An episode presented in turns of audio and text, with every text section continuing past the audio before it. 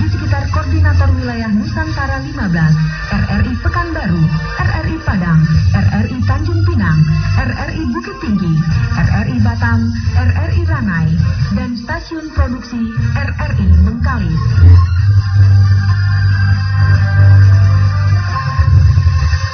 Selamat sore saudara pendengar inilah berita berjaringan Koordinator Nusantara 15 dan Prabu bersama saya Tamara Pratiwi.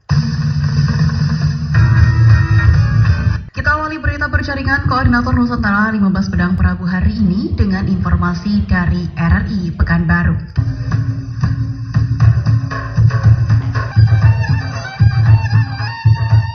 Jenazah almarhum Pelda Anumer Tarama Wahyudi yang dianggap gugur di Kongo pagi tadi tiba di Pangkalan Udara Rosmi Nuryadin Pekanbaru disambut dengan upacara militer. Selengkapnya informasi tersebut dilaporkan reporter RRI Pekanbaru Santi Yunas. Jenazah almarhum Pelda Anumer Tarama Wahyudi tiba di Pangkalan Udara Rosmi Nuryadin Pekanbaru pada Jumat sekitar pukul 10.50 waktu Indonesia Barat. Upacara penyambutan jenazah secara militer dipimpin Pangdam 1 Bukit Barisan Maijen TNI Irwansyah. Peti jenazah dikeluarkan dari pesawat Hercules A1314 milik TNI Angkatan Udara yang telah dibalut bendera merah putih. Kemudian pasukan khusus mengusung peti memasuki mobil jenazah untuk disemayamkan di rumah duka Jalan Garuda Sakti kilometer 6. Dikatakan di Pangdam dalam misi perdamaian di MONUSCO Kongo, almarhum gugur saat menjalankan patroli yang dihadang milisi setempat.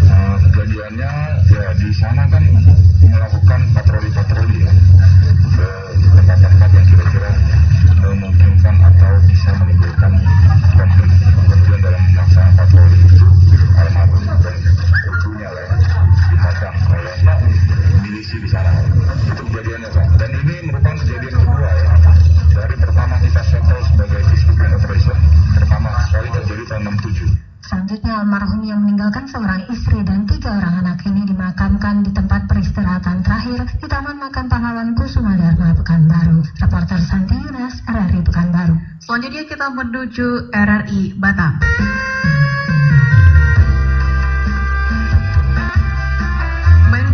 Kemaritiman mengatakan setidaknya 20.000 tenaga kerja dibutuhkan untuk membangun industri bauksit di Bintan, Kepulauan Riau, dengan tenaga ahli didatangkan dari Tiongkok dan Taipei.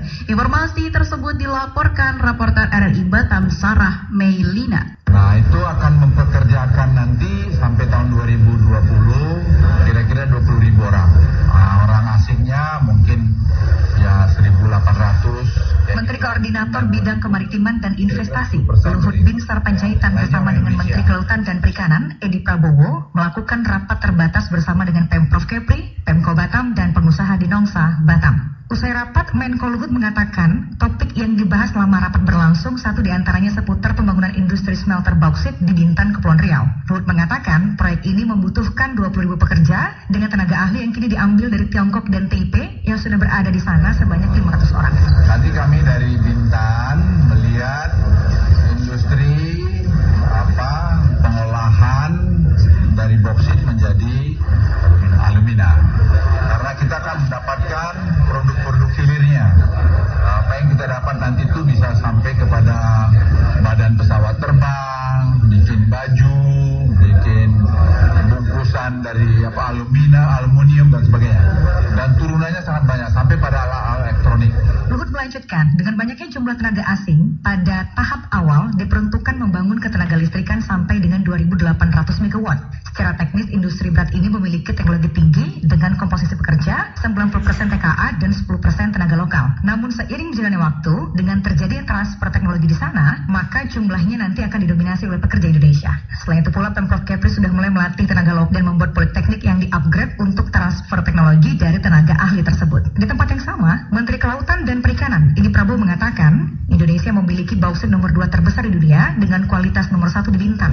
Ya, eh, kita bisa produksi alumina dari bauksit yang selama ini kita itu ekspor alumina seperti Inalum itu hanya dia menghasilkan listrik yang murah tapi bahan baku pembuat aluminiumnya alumina itu diimpor dari seluruh negara padahal Indonesia penghasil bauksit bauksit diproses menghasilkan alumina Ini melanjutkan pertemuan pemerintah pusat dan Pemda hari ini juga membahas soal pariwisata, pembenahan pipa bawah laut, dan industri perikanan tangkap. Dari Batam Kepulauan Riau, Sarah Melina melaporkan. Saudara dari area Bukit Tinggi kita menuju Bukit Tinggi.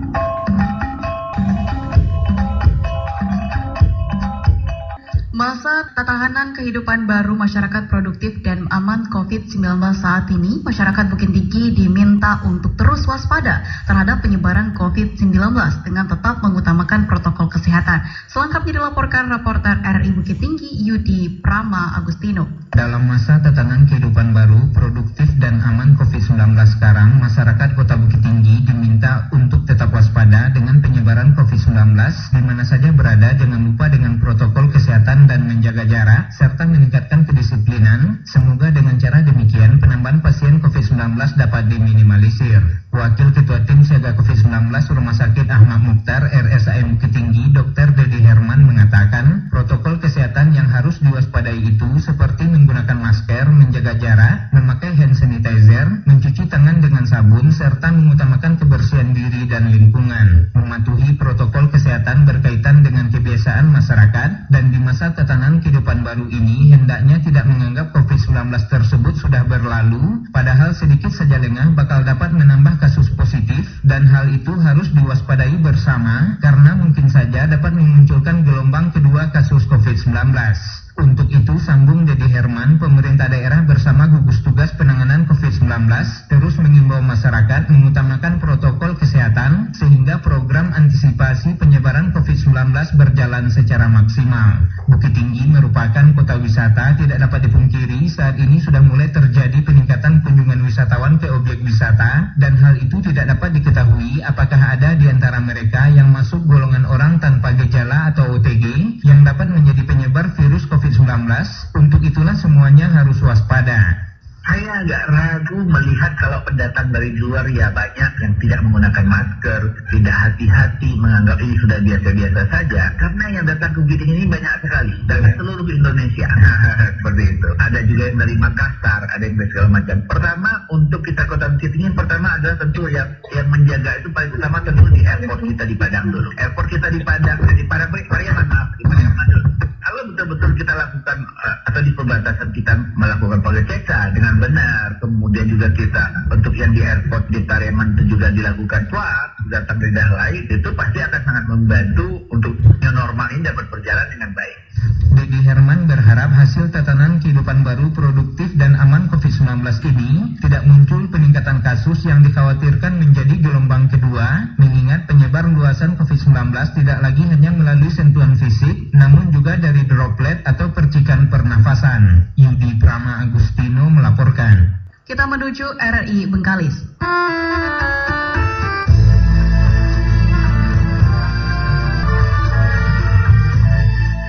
Dinas Pemberdayaan Masyarakat Desa DPMD Kabupaten Bengkalis menargetkan Kabupaten Bengkalis sebagai daerah pertama merampungkan penyaluran bantuan langsung tunai dana desa.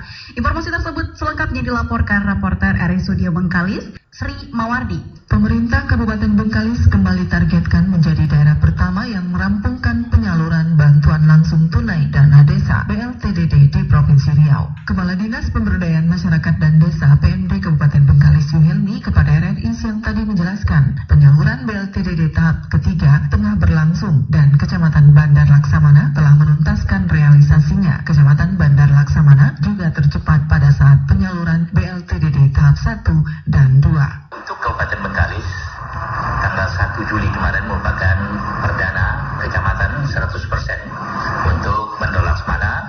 tentunya kita memberikan apresiasi.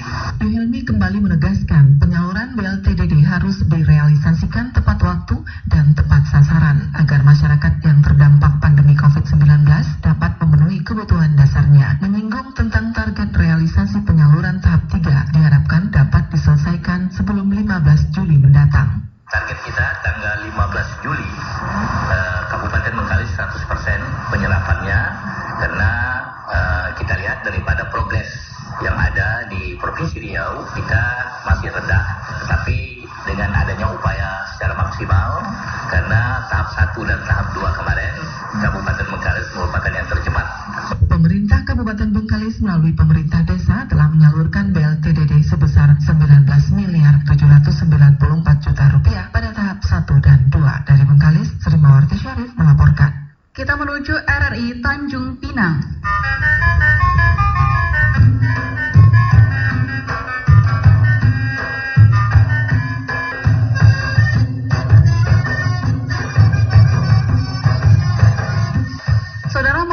Masyarakat dihimbau untuk membeli hewan kurban yang memiliki surat keterangan kesehatan hewan. Selengkapnya dilaporkan RRI Tanjung Pinang, Febriansyah. Tim Kesehatan Hewan Dinas Ketahanan Pangan dan Pertanian DKPP Kabupaten Bintan terus meningkatkan upaya pengawasan kesehatan hewan kurban di seluruh wilayah Kabupaten Bintan Provinsi Kepulauan Riau. Mengingat Hari Raya Idul Adha atau Hari Raya Kurban ini akan dilaksanakan pada tanggal 31 Juli 2020, sehingga kesehatan hewan yang akan dikonsumsi masyarakat itu harus layak dan sehat jauh dari penyakit hewan.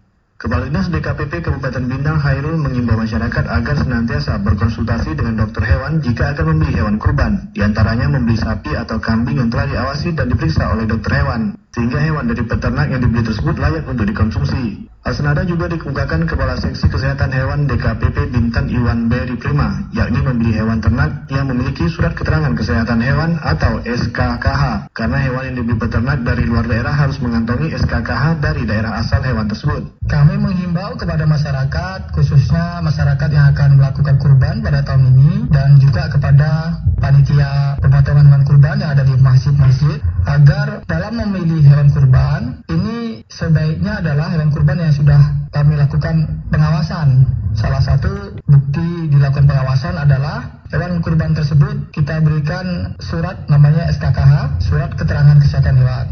Menurut Kasih Kesehatan Hewan DKPP Bintan Iwan Beri Prima, ciri-ciri hewan yang sehat itu mata hewan kurban cerah dan tidak berair, bulunya bersih dan tidak kusam, cermin hidung basah dan bersih, tidak kurus, kotoran normal dan tidak diare, nafsu makan baik dan gerakan hewan lincah. Sedangkan tanda-tanda hewan tidak cacat seperti testisnya utuh dan ada sepasang dan telinga utuh dan tanduk tidak patah, tidak buta dan kaki hewan kurban tidak pincang. Kemudian hewan kurban harus cukup umur, sapi atau kerbau minimal 2 tahun, domba atau kambing minimal 1 tahun. Reporter Febriansa, RRI Tanjung Pinang. Dari Tanjung Pinang kita beralih ke RRI Ranai.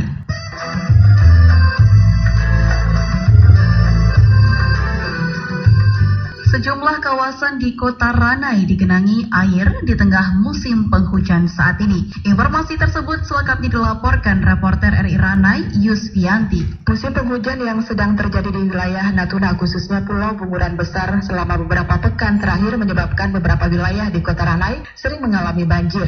Salah satu tempat yang sering mengalami hal tersebut di antaranya kawasan air kole Ranai. Bermawi RW 04 air kole Kelurahan Ranai kepada RRI mengatakan saat ini jika hujan turun selama beberapa jam saja maka genangan air dan banjir akan terjadi di kawasan itu. Ya, maksudnya cuma sebutin kalau setiap jam sekitar 4 ataupun 5 jam kita pasti langganan karena drainase daya tampung air kita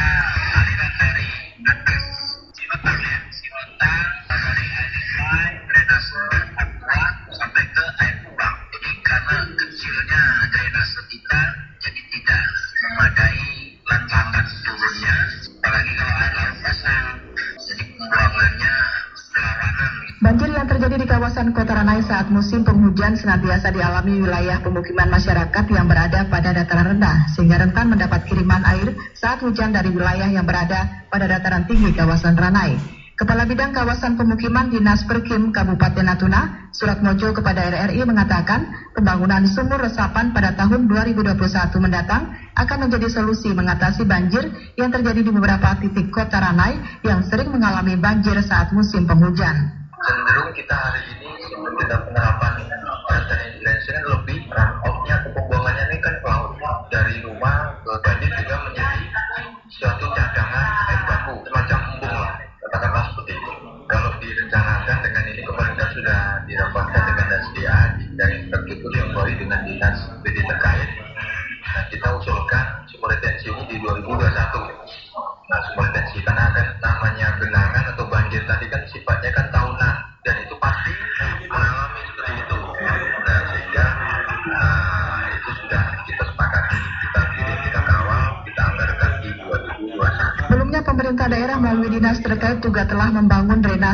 drainase-drainase untuk melancarkan saluran air sebagai upaya mencegah banjir saat musim penghujan. Namun drainase yang dibangun tersebut fungsi dan kapasitasnya belum cukup optimal untuk mencegah banjir di air kolek dan beberapa kawasan dataran rendah di kota Ranai. Dari Ranai, Yusbianti melaporkan. Kita beralih ke RRI Padang.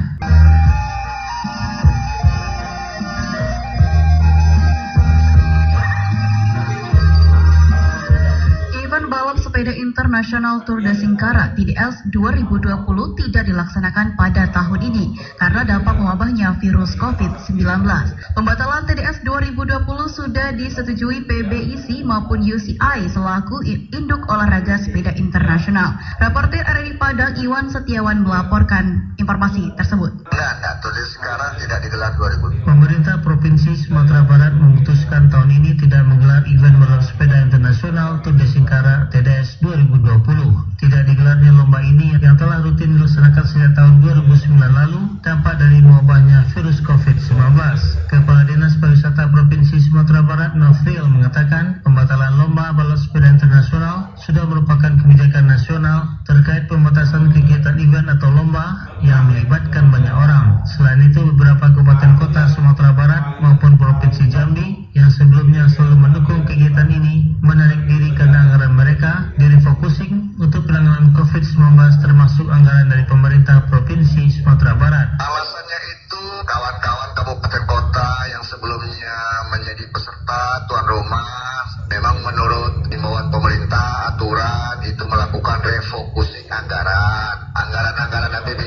dialihkan untuk penanganan COVID. Provinsi juga anggaran-anggarannya dialihkan untuk penanganan COVID. Kendati begitu, pembatalan TDS 2020 sudah disetujui PBIC maupun UCI selaku induk olahraga sepeda internasional. Nafril mengungkapkan de Singkara merupakan kejuaraan bola sepeda resmi dari UCI yang diselenggarakan setiap tahun sejak tahun 2009 lalu. TDS menjadi salah satu agenda yang menjadi bagian dari tahapan perlombaan balap sepeda Tour de Singkara sebagai ajang terkait potensi yang dimiliki setiap daerah.